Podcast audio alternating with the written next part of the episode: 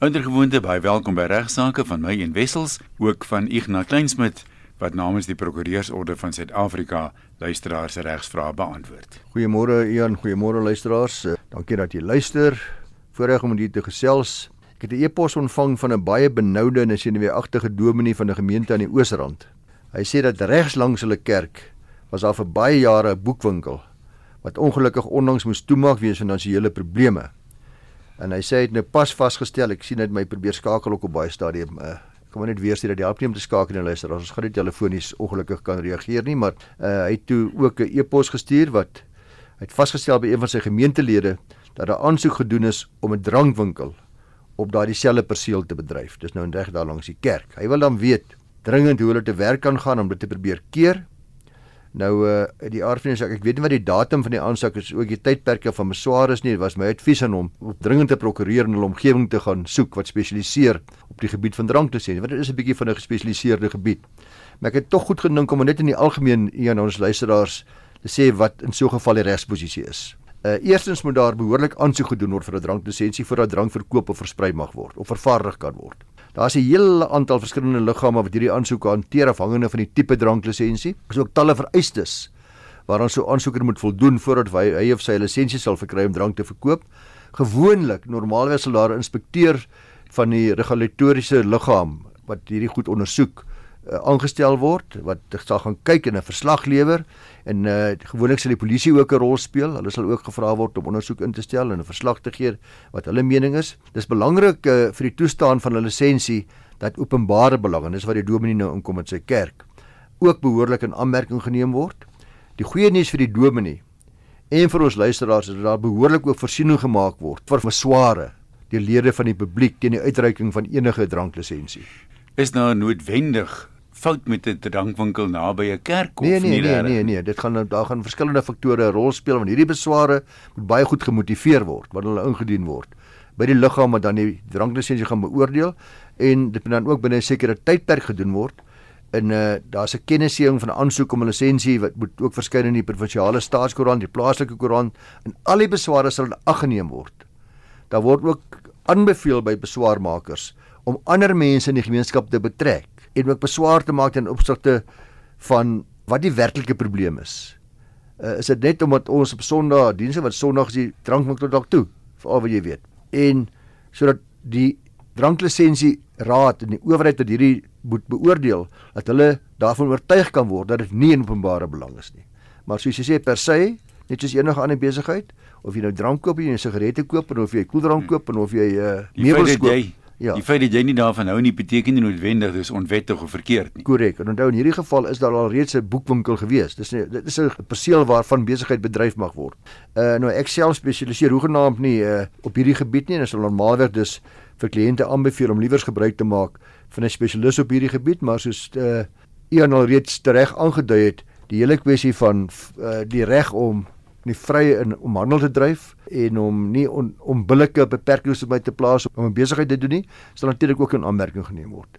In hierdie spesifieke geval is die vraag of die drankwinkel 'n bedreiging is vir die kerk, uh, sal van baie faktore afhang. Die antwoord is waarskynlik nee. Ek het toevallig onlangs, ek dink dit was op Facebook, gesien waar iemand gepraat het van hoe gerieflik hulle dorpie is, want uh, skuins oor in die kerk is daar 'n sportkroeg. En die persoon het nou nie die DStv om al die sport te kyk nie, so met die wêreldbeker sê die persoon het hy toe nou, jy weet jy kan gou kerk toe gaan en dan stap jy net oor en jy trek jou baadjie uit en dan kan jy nou rustig 'n paar biere drink en die sport kyk daar.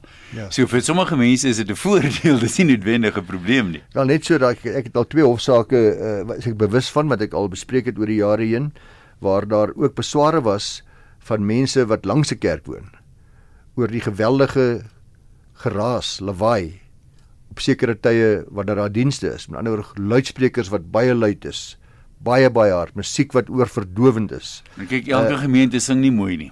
Ja, korrek. Dit hang maar van gewoonte en dit daar het uh, in een geval het die het die het die buurman geslaag om die kerk te verplig om net sekere tye sekere aktiwiteite te hê In die ander geval het die het die hof weer bevind dat as jy net die desibels kyk in die in die normale feit dat jy lank langs 'n kerk is, dan moet jy besef. Daar gaan Sondag of 'n paar dae daar gaan grafnisdienste wees, maar daar was die ger, die geraas nie beskou as oormatig nie. In 'n ander geval weer was dit. So mens kyk maar elke geval op sy eie. Dan uh, het 'n weduwee van meneer van Deventer, mevrou van Deventer, het eis ingestel teen die eienaar van 'n hond met die naam Capone. Uh weens die dood van haar eggenoot wat op daardie stadium slegs 43 jaar oud was. 'n enkel regter naamlik regter Sharon Chevise, Chesive, ekskuus. Iewers dink in die einde van 2018 reeds die eienaar van die boerboel reën, hierdie Capone, vrygespreek en die weduwee toe appel aangeteken. Uh haar eis van 1,6 miljoen rand het sy ingestel teen meneer Henny Botha weens die voorval wat al plaasgevind het jare terug op 2011. Dit het gelei tot hierdie onlangse bevinding deur drie regters van 'n volbank. Baie belangrike aspek van hierdie saak was die vraag of daar 'n kausale verband was tussen die aanval deur Capone en uiteindelike afsterwe van meneer van Deventer. Aangesien meneer van Deventer ook aan sirose van die lewer gelei het en lewerversaking gehad het voor sy dood. Uh die belangrike vraag das vir die verhoorhof en ook die appelhof of hy op sy sterfdag, dis nou op 18 April 2011 sou gesterf het as hy net 10 dae tevore hierdie bytwonde opgedoen het nie. Nou Hulle word sou in elk geval gesterf het. As gevolg van die lewer en die nierversaking as hy nie bytwonde opgedoen het nie en verskeie deskundiges het hieroor getuig sê die regter wat hierdie saak dan uiteindelik in die volbank behoort deur Defew met die uitspraak gelewer het dat die hof dit duidelik maak uh, dat die wonde bakterieë veroorsaak het. En dit het weer peritonitis veroorsaak. En dit veroorsaak weer lewer en nierversaking. So is 'n hele deskundige gebied hierdie wat uh, deur spesialiste gehanteer was. En 'n volgende vraag is wanneer 'n mens nou nou na skuldloos aanspreeklikheid kyk van 'n eienaar van 'n hond. Onthou, die eienaar niks verkeerd gedoen nie. Hy skuldloos aanspreek. Dit was hier die eienaar uh is dit nie eers nalatig nie. Is die vraag of die hond uitgelok was.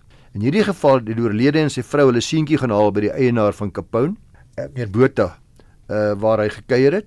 Daar was verskeie weergawe, maar die hof aanvaar uiteindelik die oorledene se suster Susan se weergawe dat die oorledene gepoog het om vir Capone met 'n stuk tou om die nek te laat bedaar. So hy, hy die hond was bietjie lewendig geweest. Die hond se eienaar, se vrou Karen, het egter beweer dat die oorledene die hond met die tou geslaan het.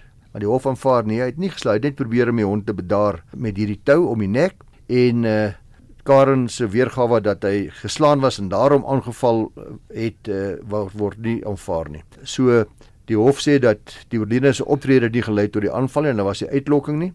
Nou vir Bloemfonteiners wat luister, miskien sal u die oorledene onthou want ek het in die pers gesien dat uh volgens mediaberigte was Dawie van Deventer het die bynaam houtkapper gehad. En hy het jare lank vleisbraai en kaggelhout in Bloemfontein verkoop. Baie Bloemfonteiners ken hom blykbaar. Nou uh soos ek sê die eis was vir 1,6 miljoen rand. Uh, die hof moet nog besluit of die bedrag geregverdig is maar uh, die uitslaag sê die volbank uh dat die hondbyt het wel die skade veroorsaak en dan was 'n kausale verband en so weer eens ek het al soveel keer gesê luisteraars hondbyt kan vir jou groot geld kos. So maak maar doodseker uh, dat die hond agter tralies is of agter hek is of agter slot is, slot of grendel is dat hy nie skade kan veroorsaak nie. Die vraag wat net by my opkom, dit is 'n persoonlike mening, Is dit nou die beste metode om 'n hond te laat bedaar met 'n tou om die nek? Ek meen ek is nou nie 'n hond nie, maar 'n tou om ja, my nek sal ja, my ja, kwaier ja. maak as wat ek was. Ja, in hierdie geval het die hof bevind soos ek sê nou, dit was nou eers een hof en toe later die volbank bevind dat hierdie was nie uitlokking nie. Omdat die ja. suster van die oorledene gesê het dat eh uh, dat uh, sy sy het gesien dat dit sy net, net probeer die tou vat om die hond tot tot rus te toe laat kom, né? Ja. Nou, dan moet jy hom nou maar onder bedwang bring met die tou want soos ek sê, ek kan nie sien dat 'n hond gaan bedaar as jy ja. hom om wurg nie. Dis blykbaar wat die hof uiteindelik aanvaar, dit was 'n poging om die hond onder bedwang te bring. Ja. Onthou jy kan jou vrae vir beantwoording hier op regsaake direk vir Ignas stuur. Ignas by ffd.co.za. Onthou ook verder dat Ignas nie telefonies vir jou kan advies gee of skriftelik nie en dat hy ook nie betrokke kan raak by jou litigasie of wat jou regsprobleem ook al is nie. Die goeie raad is om altyd om 'n prokureur naby jou te gaan sien. Dit maak dit vir jou moontlik as hy dokumentasie nodig het om dit uh, vir hom te neem en wat en so aan om dit makliker by hom uit te kry. Jou vrae, soos ek sê, direk vir Igna by igna@ffd.co.za. Hou ook in gedagte dat ons die programme vooraf opneem, so dit mag 'n hele rukkie duur voordat ons by jou antwoord uitkom. En jy kan ook intussen as jy sukkel om na regsaake te luister maandag 11:30, kan jy na die webwerf toe gaan rsg.co.za en na die potgooi luister, klik so bo in die bladsy op potgooi, dan rol jy daar by alle af tot by regsaake en al die vorige regsaake programme sal daar wees. Luisteraars, ek het vir 'n bekwame jong prokureur daar by van Velden Duffy in die naam van Janus Olivier gevra om bietjie vir my te gaan kyk en dis omdat ek so dom is op hierdie gebied na die internethandel en Facebookhandel en spesifiek hoe mense bedrog wat dit betref kan beperk. Nou uh jy sal onthou dat baie mense het al gesê en onlangs weer die voormalige minister van polisie daai na met Twitter dat 'n persoon wat 'n gesteelde baat ook op net so skuldig is soos die persoon wat gesteel het. Dit is ongetwyfeld so. En ons weet almal daar's wetgewing wat uh reël wat met tweedehandse goedere moet gebeur en die wet op tweedehandse goedere wet 6 van 2009 se doel dan is om handelaars in tweedehandse goedere te reguleer en om bedrog te beperk en om veral handel in gesteelde goedere te probeer bestry. Artikel 2 van hierdie wet vereis dat enigiemand wat 'n besigheid as 'n tweedehandse handelaar wil bedryf, as sulks moet registreer. Tweedehandse goedere is enige goedere wat voorheen deur iemand anders gebruik was, maar sluit nie in goedere met 'n waarde van onder R100 nie. So as jy meer as R100 se goed wil verkoop, dan moet jy in gevolg hierdie wet op tweedehandse goedere moet jy registreer. Goed. Daar's dus duidelike statutêre vereiste dat iemand geregistreer moet wees voordat jy mag handel dryf in hierdie goedere. Die aansoek om registrasie moet die adres van die perseel insluit waar die persoon besigheid bedryf, die adres van die goedere waar dit geberg word, indien dit nie by besigheidsperseel self gestoor word nie. Registrasiesertifikaat moet op 'n sigbare plek vertoon word vir 'n tydperk is geldig vir 'n tydperk van 5 jaar. So elke 5 jaar moet 'n pandwinkel weer 'n nuwe registrasiesertifikaat kry, byvoorbeeld. Of iemand wat in tweedehandse skrootwerf, maak nie saak wat nie. As jy handel dryf en nie geregistreer is nie, kan jy gevangenisstraf kry van tot 10 jaar en versuim om registrasie te hernie na jy wel geregistreer was 3 jaar. So is baie ernstig om te keer dat handelaars nie wetend of onwetend met gesteelde goedere handel dryf nie, word hulle deur artikel 21 verplig om skriftelike registers te hou van al die tweedehandse goedere wat hulle koop en verkoop. Die register moet die besonderhede van die persoon vat wie hulle goed gekry het, wie hulle waar dit aangekoop het, wat die goed se beskrywing is, die prys waarvoor dit aangekoop was en dit moet ook vir 'n tydperk van 5 jaar van elke transaksie moet vir 5 jaar geboekstaaf word in hierdie register. My raad is kies 'n winkel wat makliker werk. ja. Ja, en die, die handelaar nie so register hou nie weer eens 5 jaar gevangenisstraf is moontlik. 'n Handelaar wat vermoed dat gesteelde items aan hom gelewer word, uh, of dat daar pogings was om die voorkoms van die goedere te verander. Hy kan sien hierdie goed is bietjie oorgeverf of dis dit of dat gedoen en hy vermoed dis gesteelde goedere, uh, moet dit by die polisie aanmeld. As daar En die vraag of hy dit vermoed of nie is ook 'n objektiewe vraag. Sou 'n redelike man dit vermoed het in lig van wat hy gesien het. Uh indien hy dit nie aanmeld nie, weer eens moontlike gevangenisstraf van tot 10 jaar. So hierdie wet probeer regtig die bes van die staat om te kyk of mense nie hierdie handel in gesteelde goedere kan beperk nie. Nou ten spyte van hierdie dreigemente van dronkstraf, ten spyte van hierdie wetgewing, is daar natuurlik nog baie mense wat glad nie hieraan voldoen nie en uh Daarom verleen artikel 28 in die wet die bevoegdheid aan polisiebeamptes om persele van handelaars te betree om seker te maak dat hierdie wet word aan voldoen. Die registers as ook hulle voorraad word ondersoek, enige ongeruimthede word nagegaan en 'n handelaar se perseel moet ten minste een keer per jaar deur die polisie geïnspekteer word. Dit nou werklik gebeur weet ek nou nie, maar dis 'n ander vraag. So streng maatreëls luister dan maar nou is die vraag wat ek vir Janus gevra het. Uh hoe reguleer nou mense wat op Bit and Buy of Facebook. En daar is baie sulke plekke, né? Presies, daar's ek noem sommer twee verkoop. Al wat 'n mens op meeste van hierdie platforms benodig word vir my gesê is om 'n profiel te open as jy iets wil verkoop. Jy gee 'n e-posadres en 'n selfoonnommer, dan kan jy besigheid doen. Daar's niemand wat by jou inloer een keer 'n jaar om seker te maak dat jy geregistreer is nie of wat die goed wat jy verkoop nie gesteelde goedere is nie. Daar's eintlik geen regulering nie. Bykans geen nie. Aan die ander kant, daar's van hierdie goed, ek dink nou aan Gumtree byvoorbeeld, wat 'n geweldige groot webwerf is waar jy enige iets van tweedehandse karre tot tweedehandse ja, ja. Hoë troustelle tot ou brille kan koop. Nou, Kunstande weet ek nou nie. Ek dink baie van hulle registreer en hulle sal sê waar die goedere gehou word en so. 'n webwerf waar 'n individu gaan soontoe en sê jy ek het nou hierdie ding om te verkoop. Ek o, wil nou nie goed, meer goed, my goed, ou rekenaar ja, hê ja, nie. Ja. Maar dit beteken natuurlik ook nie jy moet verstaan dat elke jaar op in sy maat nou uh, moet registreer nie. Ek wil my sitkamer stel op Facebook verkoop. My ou sitkamer sê want ek trek. Artikel 21 uh, van die wet vereis dat slegs diegene wat 'n besigheid dryf hier in tweedehandse goederehandel te dryf met geregistreerde toets is dus of mense besigheid bedryf. Nou uh die wet gee ongelukkig nie duidelikheid oor wanneer iemand geag word 'n besigheid te bedryf nie en die hof het in staat versus Seroto 'n uh, riglyn in hierdie verband probeer gee. Uh hierdie hof eersins toegegee dat die term besigheid dryf en handel dryf dikwels as sinonieme gebruik word. Verder het die hof bevestig dat die normale betekenis in die woorde gegee word. Met ander woorde handel dryf bevat uh komponente van uitdruklike of swywende uitnodiging aan lede van die publiek om besigheid te doen. Elke saak sal op eie meriete beoordeel moet word. Byvoorbeeld uh, ek verkoop my paar ou vellies. Geen probleem nie.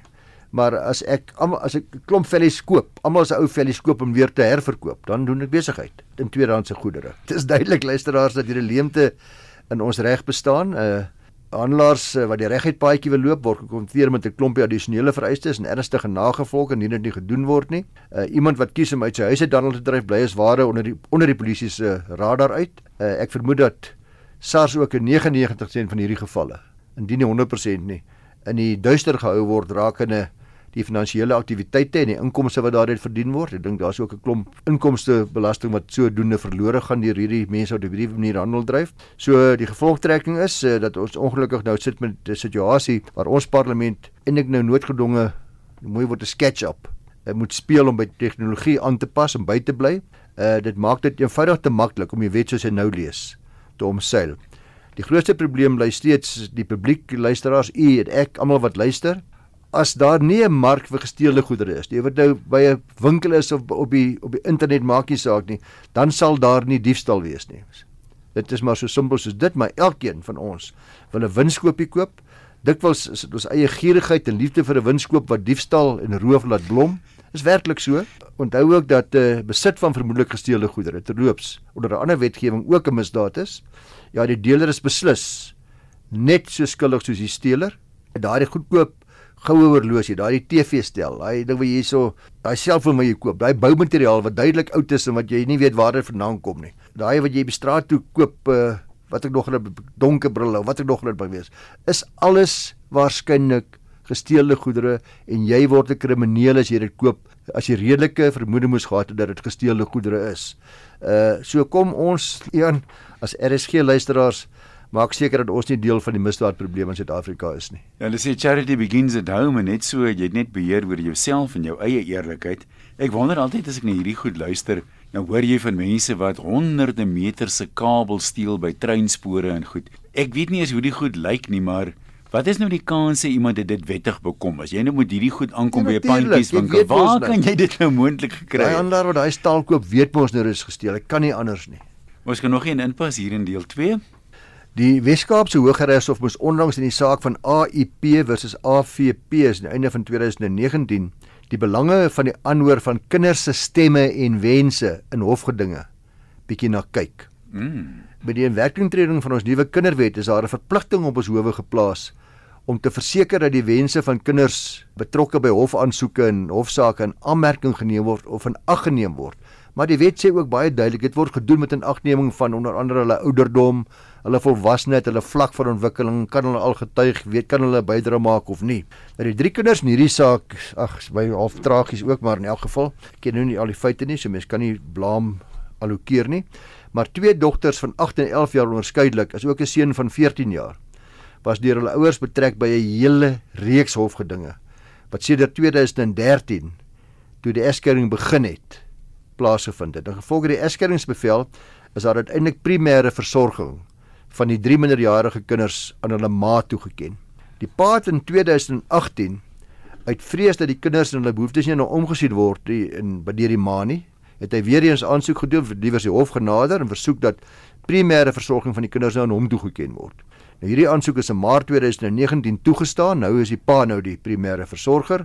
Die ma het aansoek gedoen om verlof tot appel wat eers geweier is, maar sy het 'n petisie by die Hoogste Hof van Appel ingedien en dis toe toegestaan. Uh so die suksesvolle petisie het toe gelei tot die opskorting van hierdie bevel. Nou is die kinders weer terug by ma en daar's weer daarteen geappeleer. Dis nie teenstaande die hangende appel en die pa se vorige ondernemings het hy egter die drie betrokke kinders uit Suid-Afrika verwyder en na Alaska toe met hulle getrek. Nou noodgedwonge het die ma nou weer eens die Hooggeregshof genader, die keer op 'n dringende basis. Sy het die kinders laat terugkeer na Suid-Afrika. Regter Kloete het die aansoek toegestaan en beveel dat die twee dogters dadelik Suid-Afrika toe moet kom ten opsigte van die seun. Dit het vir die pa diskresie gegee om te bepaal of die ouer seun wat nie 'n baie goeie verhouding met sy ma gehad het nie, 'n moeilike verhouding, 'n stekelerige verhouding met sy ma gehad het of hy moet terugkeer al dan nie, maar die twee dogters moet dadelik terugkeer. Nou uh, die pa doen aansoek om verlof tot appel teen hierdie bevel. Uh en dis geweier en hy nader nou die Hooggeregs op 'n dringende basis om hierdie bevel tersyde te stel. Hierdie bevel dat hy die kinders moet terugbring, terugstuur. En hierdie aansoek was gebaseer deur hom op die feit dat regter Kloete versuim het om na die kinders te luister. Hy sê hoor wat die kinders te sê het. Alvorens regter Kloete die sy sy vroue regter die moes hy eers na die, die kinders geluister het. Namens die ma is daar aangevoer dat die pa in elk geval nie nou kan hof toe kom omdat sy hande te vuil is nie. Hy het reeds 'n hofbevel geminnig toe die kinders Alaska toe gevat het. Nou wil hy kom vra dat die kinders moet dit en die kinders moet dat, hulle stemme moet gehoor word. Sy hande is vuil en hy het versuim om die hof se vorige bevel na te kom en uh, die teenkant was van mening dat die pa self diouteer van sy eie probleme is. Sy eie dringende aansoek om nou die om die saak reg te stel en dat die hof vervolgens hierdie aansoek kan aanhoor nie. Volgens die ma sou hierdie bevel in elk geval glad nie verskil is al het die kinders getuig nie want die bevel was dood dat die kinders eers die status quo herstel moes word, die ma die kinders moes kry. Namens die pa is daar aangevoer dat die Kloete se versuim verskeie bepalinge in die grondwet en die kinderwet en ook uh, die oude alter en partel reël en ander hofsaake oortree het. Die pa was bekommerd dat hy nie die kinders teen hulle wil sou kon oorrede hulle moet dit, dit sien ek baie in praktyk dat die ma of die pa sê vir nee, hy die kinders sal net nie doen nie. Ek mag geen om wat die hof sê nie, die kinders sal weier. Hulle gaan nie na ma toe nie, hulle gaan nie na pa toe nie. Wat natuurlik twak is, is kinders. Pa was ook besorg dat dit nadelig vir die kinders sou wees om hulle weer eens te verskuif en moontlik van mekaar te skei. Weer eens, die probleem is die weer eens skuif is sy probleem. Uit hulle gevat Alaska toe terwyl hulle nie mag nie. Uh die hof was egter van mening dat uh, daar geen bepaling is wat inhou dat 'n bevel nie gemaak kan word sonder dat die kinders na geluister word nie die belang daarvan sal altyd afhang van die omstandighede. In hierdie geval sê die hof was daar 'n klomp omstandighede wat sou bepaal of wat belangrik was dat die kinders self moes getuig al dan nie of hulle wense aangehoor moes word. Eerstens sê die hof dat die Kloete se bevel was eintlik niks meer as om die status quo hangende die appel uh te herstel nie. Dis reg ja. Dat die Kloete was wel sensitief vir die kinders se beste belange met die gee van haar bevel en sy duidelik die wenslike daarvan om die kinders weer eens te skuif in aanmerking geneem so gesê. Kom ons hoor eers wat die hoogste hoogste hof van appel sê. Intussen bly hulle waar hulle is. Dis eintlik wat sy gesê het. Die pa se nie naamkoming van die bevel om hulle terug te besorg was tot nadeel gewees en uh, onwenslik gewees en die hof sê dis ironies dat die pa nou versoek dat die kinders se stemme gehoor moet word en aggeneem moet word waar hy die party is wat hulle land uitgeneem het en dit moeilik gemaak het om juis hulle stemme te hoor hier in Suid-Afrika waar hulle moes gebly het. So na oorweging was die hof oortuig dat die regte bevel uh, die raad die korrekte bevel was en alhoewel die terugkeer van die kinders sonder twyfel 'n mate van ontwrigting vir hulle sou veroorsaak, was dit volgens die hof die mindere van die twee ewels. So die wat die hof sê, baie belangrik om kinders se stemme te hoor, maar nie altyd nie. Uh, elke hof sal bepaal wanneer dit nodig is om kinders om na kinders te luister uh, en om na hulle wense ag te gee. Dis ons storie vir vandag. Jou vrae vir beantwoording direk na Ignas asseblief. Ignas by 44d.co.za en as jy weer na 'n program wil luister of jy kan nie geluister het Maandag 11:30 nie, dan kan jy gaan kyk op RSG se webwerf rsg.co.za. Is daar 'n potgooi van elke program met 'n kort opsomming daarbey. Mooi loop, ons praat volgende Maandag weer.